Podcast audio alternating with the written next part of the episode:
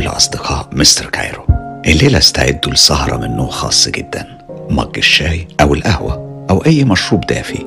وطبعا الركنة الخاصة بيكم في مكانكم المفضل في البيت. بس الشرط الوحيد وانتوا بتسمعوا حكايات الليلة إن لو في مراية في البيت غطوها أو اقعدوا في زاوية ما يظهرش انعكاسكم فيها. عارف إنه طلب غريب مش متعودين عليه من Mr. Cairo. بس للأمانة وعن تجربة شخصية كده أفضل. حكايات الليلة حكايات حقيقية. بعض أبطالها لسه موجودين وبعضهم مش مهم نتكلم عنهم دلوقتي. أنا جاهز أحكي. يلا بينا. وحكايات المراية. المراية من يوم ما عرفها البشر وهي محور قصص وأساطير ملهاش عدد. والسبب مفهوم بكل تأكيد. طبيعتها وتكوينها والدور الغريب اللي بتلعبه في حياتنا بشكل يومي بدون ما حتى نناقشه أو نفكر فيه. لو رجعنا في التاريخ وبحثنا عن معتقدات الأمم المختلفة عن المراية هنتفاجئ بأسرار هتغير طريقة تعاملنا مع المراية تماما. الرومان مثلا بيعتقدوا إن المراية بتعكس روح الإنسان اللي بيبص فيها مش بس صورته وإن المراية لو تم استخدامها بشكل مش سليم ممكن تتسبب في لعنات وأذى خطير جدا. بيقولوا إن المراية ممكن تسحب روح الإنسان وتحبسه في عالم مخيف وغامض. وكمان ممكن الإنسان من خلالها يقدر يشوف العوالم الموازية. عند حضارات تانية المراية هي وسيلة للتواصل مع أرواح فرقت حياتنا الدنيا وراحت لعالم تاني وهي في نفس الوقت بوابة دخول لكيانات من عوالم تانية لعالمنا إحنا. بمعنى تاني المراية ممكن تكون بوابة عبور بين عالم الأحياء وعالم الأموات. المرايات المسكونة منتشرة في كل مكان في العالم وبيؤمن بوجودها ناس من كل الحضارات المختلفة على كوكب الأرض. لحد النهاردة بعض الناس دي بتتعامل مع المرايات بحرص شديد خصوصا في الوقت اللي بيكون فيه أصحاب البيت بيمروا بظروف موت أو وفاة فرد من أفراد الأسرة. فبيغطوها تماما لمدد بتختلف من شخص للتاني. كل واحد حسب اعتقاده والسبب هو منع أي كيان من العالم الآخر من دخول عالمنا. البعض الآخر بيقول إن تغطية المراية الغرض منه منع روح الشخص المتوفي من الحبس في المراية والعالم المختفي وراها. القصص اللي هتسمعوها الليلة كلها قصص حقيقية حصلت فعلا والحوادث اللي حصلت بسببها كلها تم توثيقها ونشرها في وسائل مختلفة في أكتر من دولة في العالم. جايز تكون القصص مفزعة وجايز تكون غريبة بس هي دي الحكايات زي ما سمعتها وترجمتها وهبدأها معاكم بالواقعة دي. القصة الأولى. الحكاية دي حصلت لي وعشتها بكل تفاصيلها ولحد النهاردة لسه ذكرياتها بتطاردني ومش فاهماها. أنا بالرغم من مرور سنين طويلة جدا عليها لكنها لسه بتسبب لي نوبات ذعر وأرق ورعب وخوف. مش بينتهي. حياتي أصبحت عبارة عن كابوس. بنت عمي مريم كان عندها فوبيا من المرايات. ودايما لما كانت تيجي تزورنا وتبيت عندنا كانت بتطلب مني إني أغطي كل المرايات اللي في الحمام واللي في الأوضة اللي بتقعد فيها. الخوف اللي عندها كان من النوع المرضي لدرجة إنها لو حبت تدخل الحمام كانت بتطلب مني أروح معاها وبتغمض عينيها علشان ما تبصش في المراية أو تشوفها. طبعا لما كانت طفلة صغيرة كان الموضوع ده سهل. كان سهل إن الناس تتقبله كل الناس كانت بتعتقد إن ده شيء مرتبط بطفلة فشيء عادي. لكن الغريبة إنها كانت كل ما بتكبر في السن الموضوع كان بيزيد معاها قوي. كان واضح إنها بتعاني من مرض نفسي اسمه إبستروفوبيا واللي من أعراضه إن الشخص المصاب بيه بيخاف من المراية وبيتجنبها وبتسبب له الأرق والقلق والتوتر الشديد وده اللي كان بيحصل لمريم. كانت بمجرد ما تكون قريبة من مراية بتتوتر جدا وبشكل غريب ولو ما قدرتش تتحرك كانت بتدخل في نوبة هستيريا. أنا ما كنتش عارفة إيه السبب إنها بتخاف قوي كده بس الشيء اللي كان بيرعبني بجد هو نظرة عينيها لما بتشوف مراية.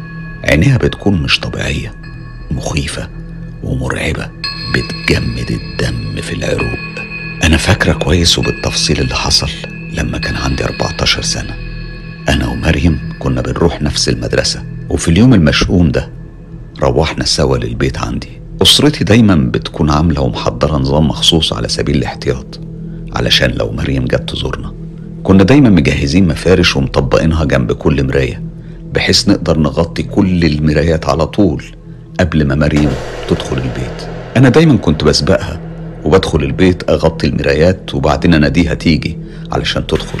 وقتها أنا كنت لسه صغيرة وما استوعبتش قد إيه الموضوع ده بجد خطير ومخيف بالنسبة لمريم وتصرفت زي أي طفلة هبلة.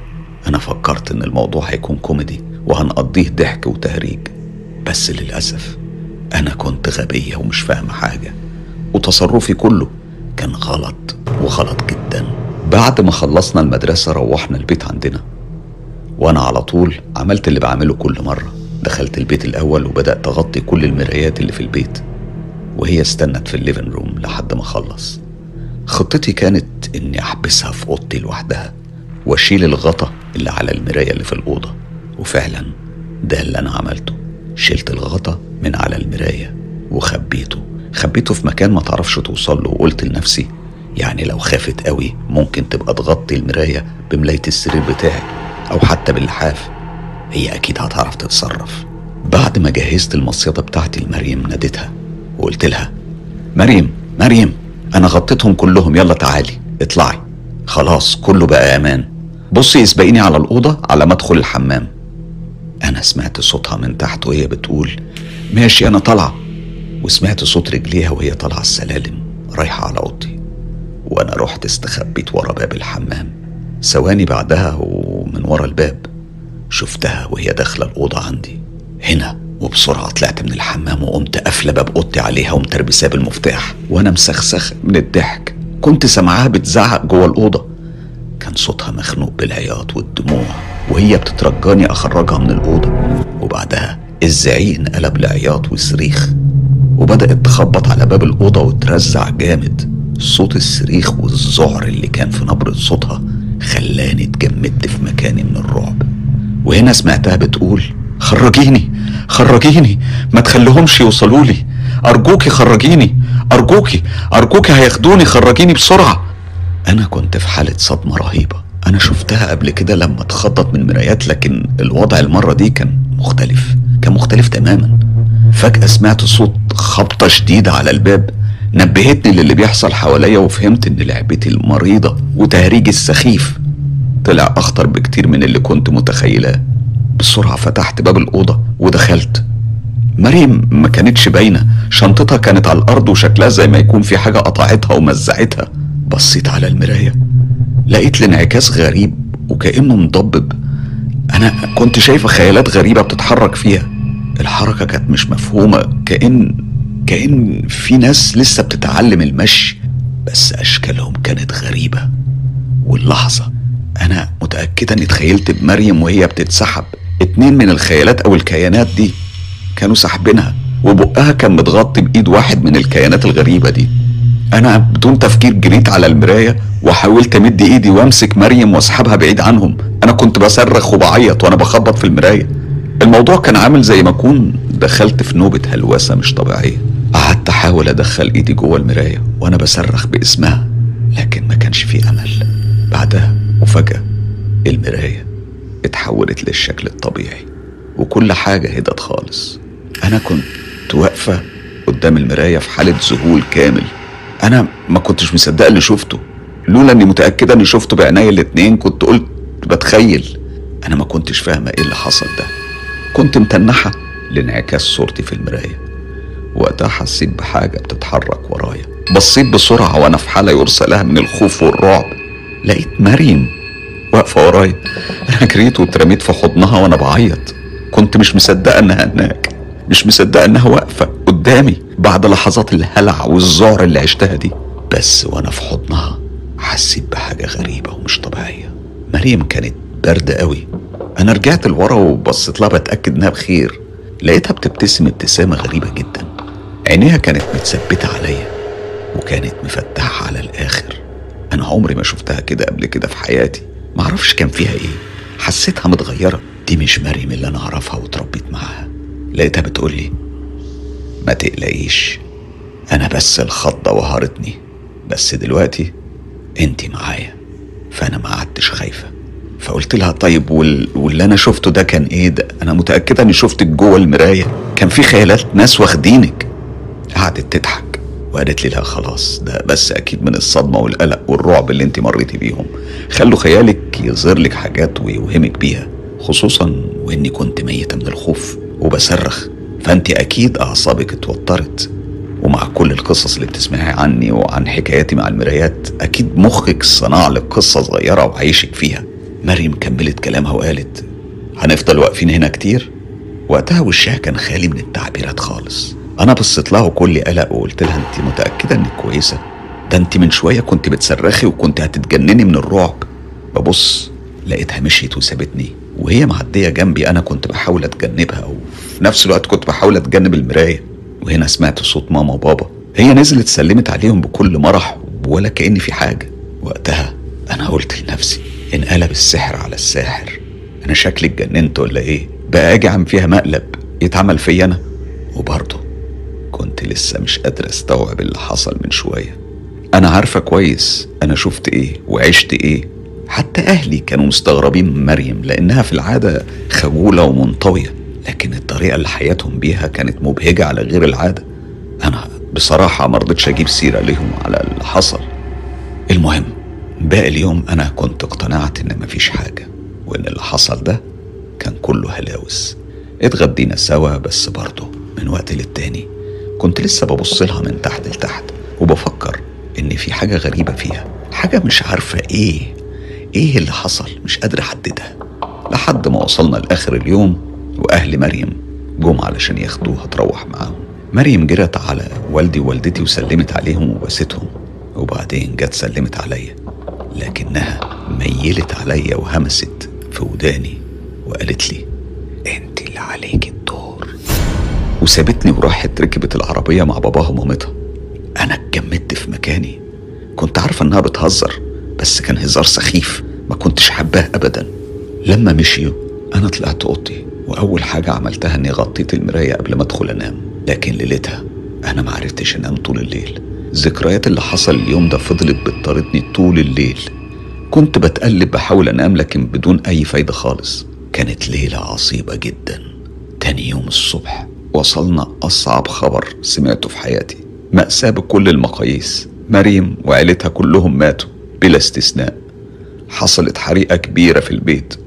وكلهم ماتوا. كلهم ماتوا. القصة التانية. الواقعة دي حصلت لي وأنا في سن 15 سنة. وحصلت في البيت اللي كنت عايشة فيه وقتها مع والدي ووالدتي. في البداية خلوني أوضح إن البيت كان جنب منطقة غابات. وكان في الغابات دي مقبرة مخصصة للمساجين اللي بيتوفوا في السجن. ومحدش بيجي يستلم جثتهم. السجن ده كمان ما كانش بعيد عن هنا.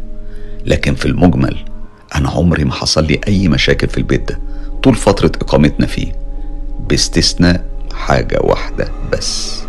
كنت كل فترة أسمع صوت واحدة ست بتهمس باسمي بس دايما كنت بقول لنفسي إني بتخيل الكلام ده وبطرد أي أفكار مخيفة ممكن تسيطر عليا. أنا كنت فاكرة إنها زي ألعاب من مخي بيلعبها لما أكون فاضي علشان يشغلني. البيت بصراحة كان بيت جميل كنت بحبه جدا لكن في نفس الوقت كان من النوع ده من البيوت اللي لو طفيت كل الأنوار اللي فيه تطلع تجري على أوضتك بدون تفكير. كان أحيانا بيكون في إحساس بحاجة مش مفهومة بس ده كان بيكون وضع طارئ ومش مستمر. في الفترة دي من عمري كانت خالتي عايشة معانا في البيت وبالتحديد كانوا أهلي مخصصين لها أوضة تحت في البدروم تنام فيها. أنا كنت قريبة جدا من خالتي وكنت بحب أقضي معاها أطول فترات ممكنة. كنت بحس إنها وحيدة و... ولوحدها. وخصوصا وجودها في البدروم كان بيدي إحساس إنها منعزلة عننا. وده كان بيخليها تصعب عليا قوي. أكتر الأوقات كنا بنقضيها نتفرج على أفلام ومسلسلات. واللي حصل ده كان من فترة طويلة قوي. وزي ما وضحت في البداية فمش متأكدة إذا كان حصل بالنهار ولا المغربية. لأن الإضاءة كانت خافتة قوي في البدروم. ووقتها كنت مريحة مع خالتي لكن لما فتحت عيني وببص ما لقيتش خالتي في السرير. بصيت في الأوضة حواليا لقيت واحدة ست واقفة قدام المراية. المراية كانت على الحيطة ومواجهة بزاوية للسرير وما كانتش قدامه بشكل مباشر. الست اللي كانت واقفة كانت بتسرح شعرها. شعرها كان طويل وأسود. أنا برضو خالتي شعرها أسود وطويل وده اللي خلاني أفكر إن الست دي تبقى خالتي. بس أنا وتقريبا فورا عرفت إن في حاجة مش سليمة لأن خامة شعر الست دي كانت مختلفة تماما عن خامة شعر خالتي. هو كان إحساس إن في حاجة مش طبيعية. الشكل ده كان عامل زي الخيال أو الظل مش بشر قاعد لا خيال أو ظل حاجة غريبة عنها حاجة مش طبيعية فيها. أنا قلت لنفسي يجوز عشان الإضاءة خافتة مش أكتر. لكني في الوقت ده كنت بصيت على انعكاسها في المراية وده هو اللي رعبني بجد. أنا مش عارف أشرحها إزاي لكن الست ما كانش في انعكاس لوشها في المراية. يعني ملهاش وش. كان زي ما يكون ممسوح أو مكانه فاضي. هنا خبيت راسي تحت اللحاف كنت عشمان إني أكون بحلم وإني لما أطلع من تحت اللحاف هصحى وكل حاجة هترجع تمام وهلاقي خالتي جنبي. وعلشان أطمن نفسي قعدت أصرخ وانادي على خالتي. وفعلا خالتي جت جري على صوتي. ولما اطمنت إنها موجودة وسمعت صوتها طلعت من تحت اللحاف وبدأت أحكي لها على اللي حصل بالتفصيل. هي قالت لي إني كنت بحلم وقعدت تطمن فيا بس أنا كنت متأكدة من اللي شفته. أنا عارفة كويس إن ده حصل وحصل بالظبط زي ما حكيته. لكن مع مرور السنين أقنعت نفسي بكلام خالتي. وإن الموضوع ده كان حلم وخصوصا الموضوع ده ما تكررش تاني باستثناء الصوت اللي بيهمس باسمي كل فترة. أنا دلوقتي عندي 30 سنة اتجوزت وعندي بنتين. المشكلة اللي بعاني منها إن بنت من بناتي بتحكي لي إنها بتشوف واحدة ست بتسرح شعرها جوه المراية ولما بتوصفها بلاقيها شكل الست اللي شفتها وأنا صغيرة. المشكلة إني عمري ما حكيت لبنتي ولا لأي حد عن التجربة اللي مريت بيها في مراهقتي دي. الموضوع ده سبب لي فزع رهيب خصوصا وأنا عارفة إن المراية اللي في أوضة بنتي كانت هي نفس المراية اللي كانت في أوضة خالتي الله يرحمها. أنا خفت أكسر المراية لأنهم بيقولوا إن كسر المراية بيسبب سبع سنين نحس. ففي النهاية أنا أخدت المراية وسافرت بيها بعيد عن مكان سكني. وسبتها في منطقة كلها أشجار. الأصوات اللي كنت بسمعها بطلت بس ضميري مأنبني لو حد لقاها وأخدها.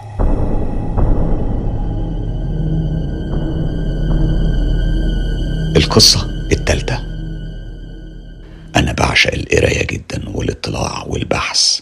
أصحابي بيسموني دودة كتاب من كتر ما بحب القراية.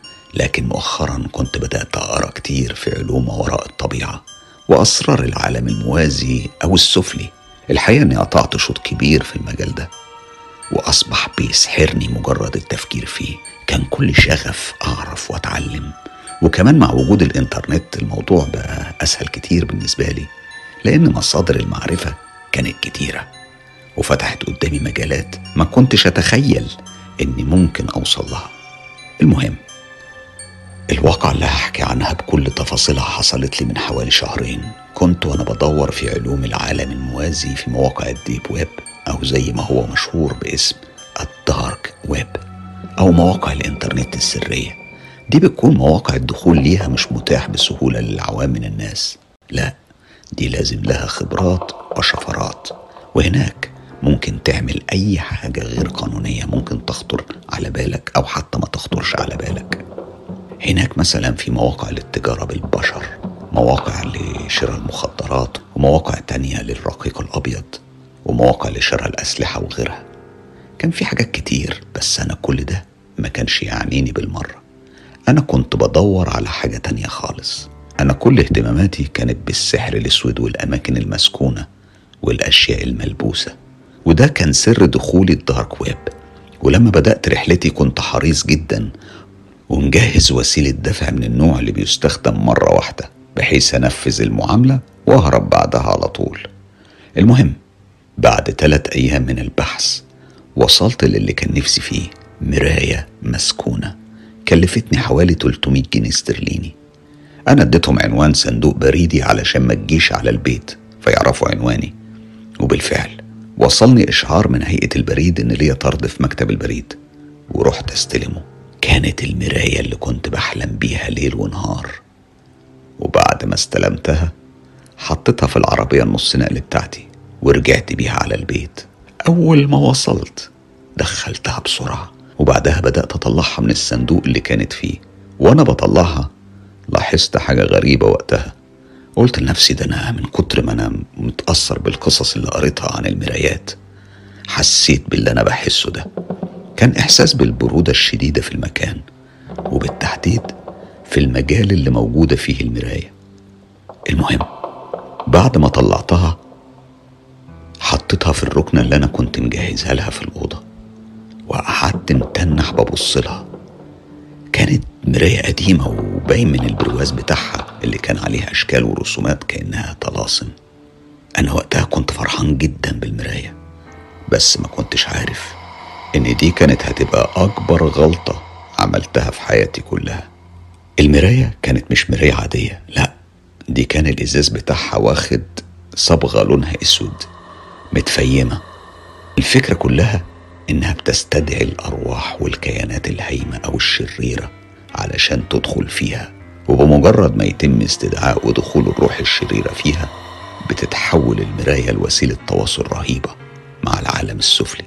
ده طبعا حسب اللي قريته عن النوع ده من المرايات ومن الحالات اللي قريت عنها إن أحيانا الكيان السفلي بيتحبس جوه المراية.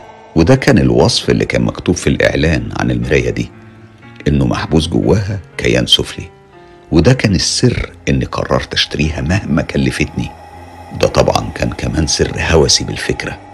وكان السبب إني كنت دايما ببقى قاعد مستني اليوم اللي هتوصل فيه.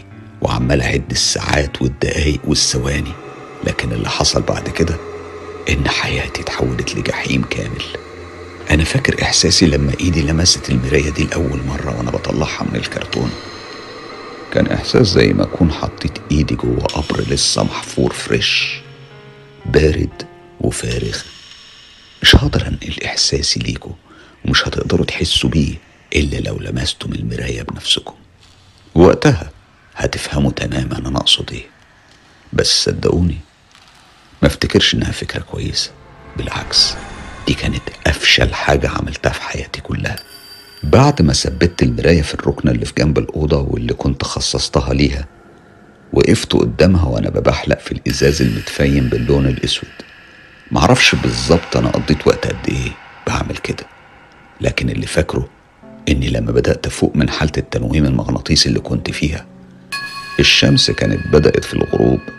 طول الليل الليلة دي كنت بتقلب في السرير في حالة أرق. كنت حاسس كأني في حد بيراقبني. في النهاية قمت ولعت النور في كل مكان في الشقة علشان أعرف أنام. ولما النهار طلع أخدت في بعضي وخرجت. كنت عمال أكلم في نفسي وبقول إن اللي حصل ده طبيعي يحصل.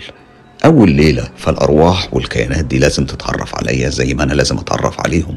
هما كمان لازم يتعرفوا على المكان الجديد قبل ما كل حاجة تبقى طبيعية. وطبعا دي كانت أول غلطة وقعت فيها. الصح كان إني كنت خلعت من القصة دي لما الفرصة كانت لسه متاحة. رجعت البيت وقضيت اليوم في الروتين العادي اللي بعمله كل يوم. خدت دش وأكلت وقعدت أشتغل. مفيش حاجة غريبة حصلت. كل شيء كان عادي. لحد ما الشمس بدأت في الغروب. في الليلة دي أنا صحيت على حالة شلل نوم أو زي الاسم المشهورة بيه الحالة دي الجاثوم كنت في السرير مش قادر أتحرك وقدام السرير كان في واحدة ست شكلها قذر متغطية بقاذورات من فوق لتحت.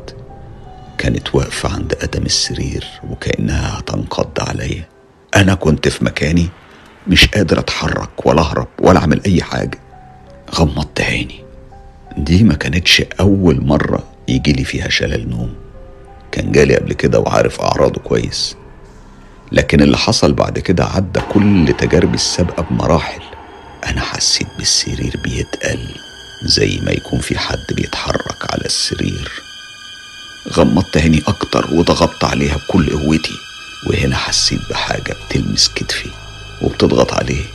كأن حد بيضغطني في المرتبة. وصوت زي فحيح في وداني. كان مصحوب بألم شديد في دراعي. ولما صحيت الصبح الخرابيش اللي كانت في إيدي كانت واضحة جدا وظاهرة. ممكن أي حد يلاحظها بسهولة زي ما يكون حد جر مسمار على دراعي وعلى إيدي. مش مرة واحدة لا كذا مرة. أما ملاية السرير كانت متغطية بوساخة. أظن فهمت مصدرها. على طول فكرت هتصرف إزاي وأول حاجة حاولت أعملها إني أخد المراية وأولع فيها. لكن للأسف النار ما أثرتش فيها. جربت أكسرها بالرغم من كل نظرات النحس سبع سنين لكن واضح إن أنا اللي كنت نحس أكتر منها. لأنها ما اتكسرتش.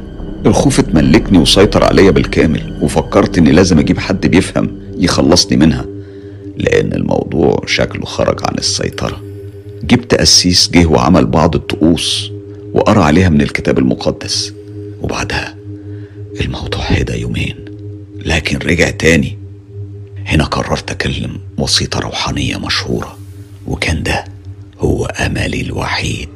لما جت وحكت لها على اللي حصل قالت لي إن بقى في صلة بيني وبين المراية. وإني مش هعرف أتخلص منها بسهولة وإن الحل الوحيد هو إني أهديها لحد تاني. القصة الرابعة.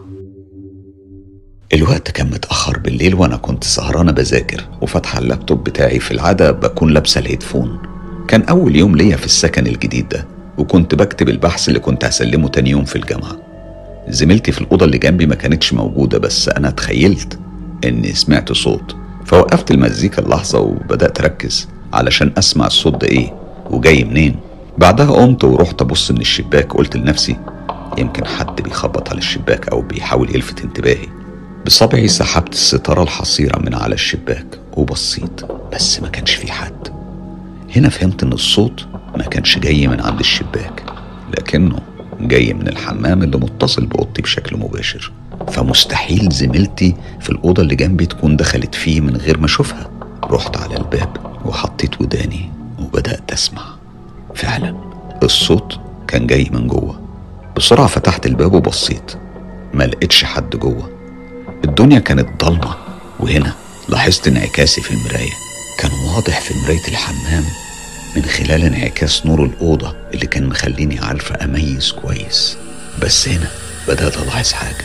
صورتي اللي في المراية مختلفة شوية.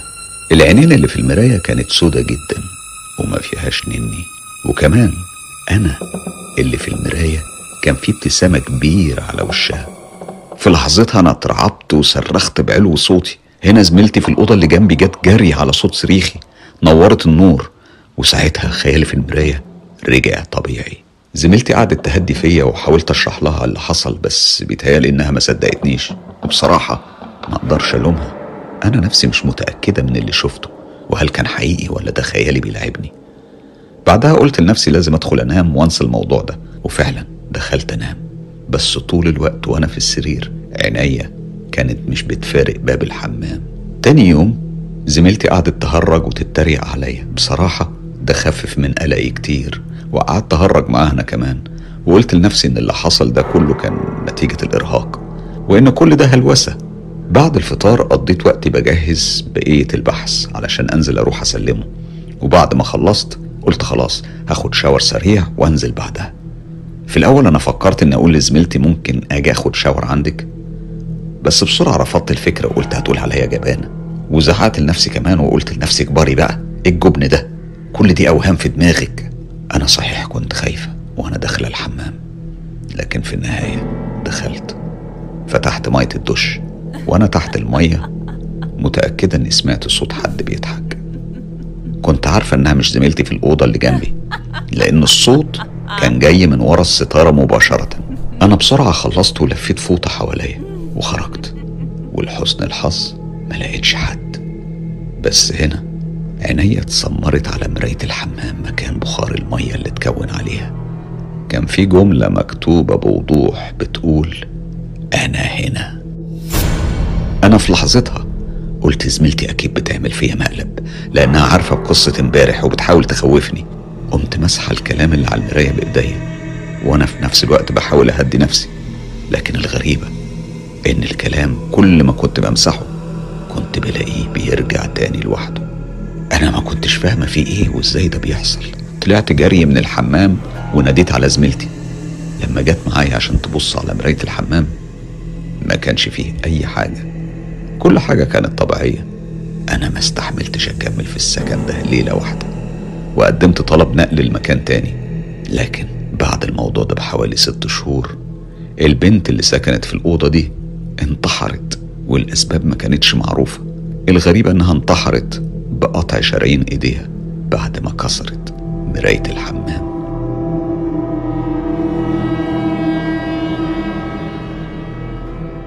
القصة الخامسة. بعد وفاة جدتي إحنا ورثنا منها كل ثروتها وبيتها وكمان كل الأساس اللي كان في البيت. وكان من نصيبي دولاب قديم قوي بيتهيألي بيرجع لبدايات القرن التسعة عشر الدولاب ده حسب ما فهمت كان هدية جواز جدتي من سنين طبعا طويلة جدا عشرات وعشرات السنين. أنا أخدت الدولاب وحطيته في أوضة من الأوض اللي كنت مخصصها علشان لما يتولد ابني. إحنا كنا لسه ناقلين البيت وما كناش لسه فرشناه. فالدولاب كان إضافة قيمة ومهمة. بعد أسابيع كان ابني اتولد وبعده لما بدأ ينام لوحده كنا بنسيبه في الأوضة اللي فيها الدولاب. هنا بدأت مراتي تلاحظ الحاجات الغريبة اللي بتحصل. فبتقول كذا مرة أدخل أغير للولد أو أنيمه. ألاحظ إن المراية بتاع الدولاب بيظهر عليها حاجة زي ما يكون في ضوء بيشع أو بيومض بشكل غريب على مراية الدولاب لدرجة إنها قامت وفتحت الدولاب ودورت على مصدر للضوء ده لكنها ما لقتش أي حاجة خالص.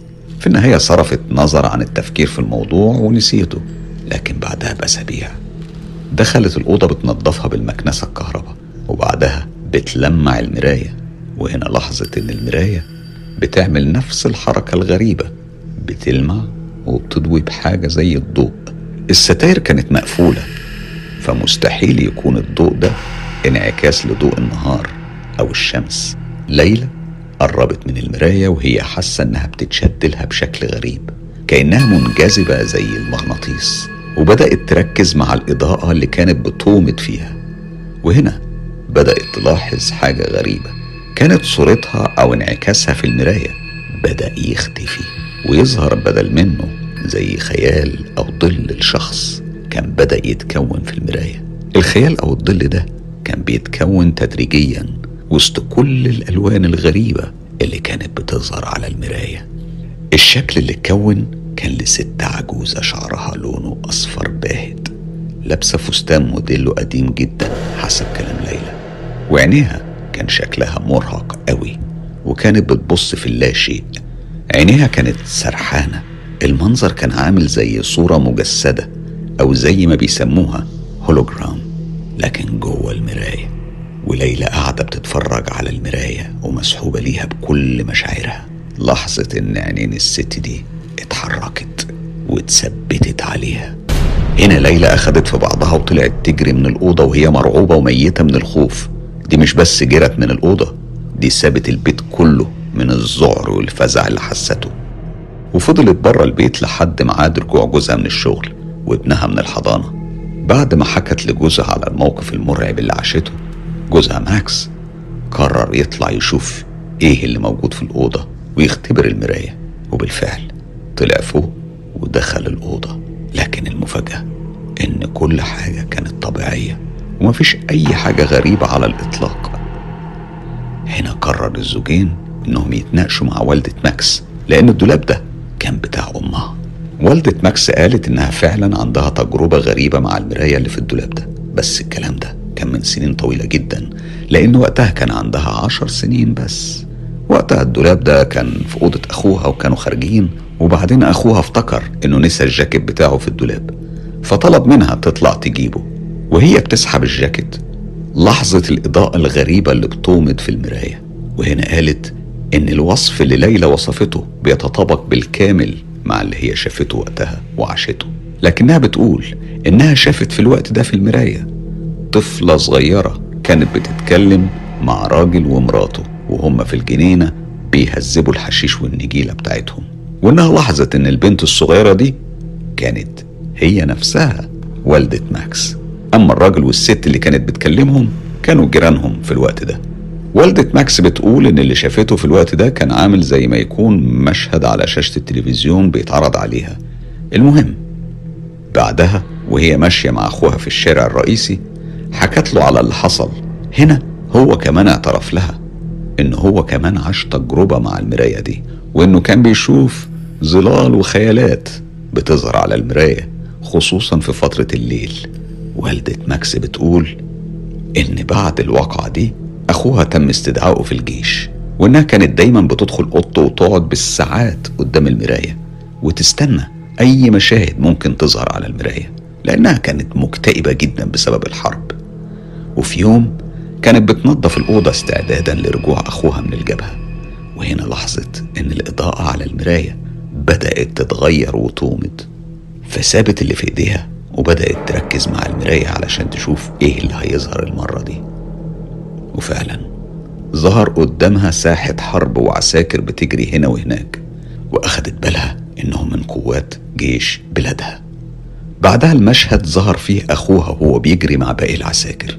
كان في مدافع بتنضرب عليهم وهجوم دبابات والصورة غطاها دخان رهيب. بعده الدخان بدأ يختفي وظهر أخوها وهو بيعرج. كان واضح إنه أصيب بشكل خطير لدرجة إنه بدأ يزحف وبعدين وقع. وفهمت من اللي شافته إن أخوها مات. الوضع أصبح زي الكابوس كان عندها أمل إن اللي شافته يكون مجرد وهم أو خيال. لكن تجاربها مع المراية دي كانت بتثبت إن المراية صادقة ما بتعرضش إلا الحقيقة. بعد اليوم ده بحوالي شهرين كان وصلهم تلغراف أو برقية. بتبلغهم بموت أخوها. بتقول إنها من يومها بطلت تستخدم المراية أو تقرب منها.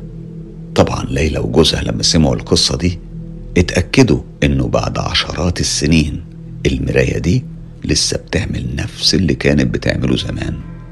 بس لما سألوا والدة ماكس عن الست اللي ليلى شافتها قالت إنها ما تعرفش أي حاجة عنها خالص. القصة السادسة. أمي عندها مراية طويلة مرتكزة على حامل. جدي كان صنعها لها وهي في سن المراهقة. هي كانت ما بتستغناش عنها أبدا ودايما ملازماها من صغرها ومتعلقة بيها جدا. أما أنا فبترعب منها جدا وبكره حتى مجرد إني أقرب منها. دايما بعاني من حاجات غريبة بسبب المراية دي وليا تجارب معاها مش مريحة أبدا. من صغري دايما بقول إن ليا تجارب وبشوف فيها حاجات خيالات سودة. وبحس بإحساس بعدم الراحة بيملى المكان اللي بتكون موجودة فيه. مؤخرا أنا ربنا رزقني بطفل عنده تسع شهور. طبعا رعاية طفل في السن ده عملية مجهدة جدا فأمي بتخليني أروح أريح عندها في الأوضة بتاعتها. كل لما تحس إني محتاج أفك عن نفسي تقول لي اطلع نام في الأوضة وريح شوية. في الوقت ده هي بتقعد بالبيبي. طبعا شيء مريح. الواجب اللي بتعمله معايا ده بس المشكلة إن المراية دي في أوضتها وأنا لما وافقت على العرض بتاعها وطلعت أنام في الأوضة بدأت أعاني من نفس المشكلة اللي كنت بعاني منها وأنا صغير. أول مرة نمت في الأوضة حلمت بحلم غريب. كان شبح بنت صغيرة بتظهر لي وبعدين بتجري. يوميها صحيت وأنا حاسس إن جسمي كله مكسر ومنهك على عكس الطبيعي. بعد النوم والراحة الطبيعي إن أنا أرتاح لكن ما كانش بيحصل. ما كنتش فاهم ليه بحلم بالبنت دي. وهل هي حقيقية ولا هي مجرد حاجة من نسج خيالي؟ وقتها أنا ما اديتش الموضوع أي أهمية وسبتني من التفكير فيه. المرة التانية اللي طلعت أنام في الأوضة ما حصلش حاجة. أكتر من كوني ما قدرتش أقوم من النوم خالص. جسمي كنت حاسه تقيل جدا زي ما يكون غرقان في أسمنت. وأطرافي ما كانتش بتتحرك. مهما عملت مخي كان بيصدر الأوامر بالحركة لكن رجلي وإيديا كانوا يتجاهلوه تماما. في النهاية أنا قمت بالعافية والسبب إني سمعت ابني بيعيط تحت في الصالة. أما المرة الأخيرة فكانت غريبة أوي. لا مش بس غريبة دي كانت عجيبة أوي. لأني ما حلمتش بحاجة خالص. أنا نمت ساعة ونص بس كل اللي حصل في اليوم ده وفي المرة دي كان عبارة عن جنون كامل. التصرفات الغريبة اللي حكيت عنها واللي مرتبطة بالمراية كانت بدأت تدخل في مرحلة غريبة.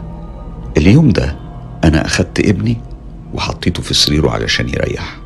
المشكلة إن سريره كان محطوط قدام المراية على طول ولما حطيته فيه وقمت علشان أمشي سمعت همس. بس ما كنتش عارف أحدد معنى الكلمات أو الكلام اللي بيتقال. قلت لنفسي أكيد خيالي. ونزلت تحت ومددت على الكنبة في الصالة. هنا بدأت أسمع همس مرة تانية.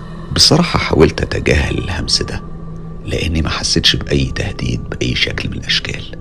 وفضلت ألعب على تليفوني. بعد فترة بدأت أسمع خطوات حد بيمشي فوق في الأوضة. طبعا قلت لنفسي ابني مستحيل مستحيل يمشي. ده عنده تسع شهور وكمان كان محبوس جوه سريره اللي متقفل من كل الجوانب. هنا الأدرينالين بدأ يضرب في عروقي وبدأت أقلق وأتهز من التوتر. كنت بفكر الخطوة الجاية هتصرف إزاي وهعمل إيه. وهنا لاحظت إن في لعبة من ألعاب ابني بتنور. هي اللعبة عبارة عن ديناصور في راسه فيه زرار كبير. لما بيتضغط عليه بينور في العادة وبيقعد ينور ويعمل صوت لفترة. لكن ابني كان في سريره ونايم بقاله فترة كمان. طب إزاي يعني؟ الصوت فضل يتكرر كأن في حد عمال يضغط على الزرار مرات ومرات. الديناصور ده على فكرة لما بينضغط عليه بيقول جمل معينة لكن الغريبة إنه كان بيكرر جملة واحدة جملة واحدة بس وده خوفني جدا. حسيت إن في حاجة مش طبيعية بتحصل هنا فقررت أطلع أشيك على ابني وأبص في الأوضة وأحاول أفهم إيه اللي بيحصل. وبالفعل طلعت فوق وبصيت. كل شيء كان عادي. بس الإحساس الغير مريح كان موجود ومالي المكان. رحت وبصيت على ابني واطمنت انه في سابع نومة. قمت ممدد على السرير وقلت أريح أنا كمان على ما يصحى. طلعت الموبايل وقعدت ألعب جيم. في الوقت ده اتخيلت بالهمس بيتكرر من تاني. كانت عيني بتغفل فقلت لنفسي أنا أكيد بتخيل علشان دي المرحلة اللي بين الصحيان والنوم وهي المرحلة اللي المخ فيها بيسيب الخيال يمرح ويعمل كل اللي نفسه فيه.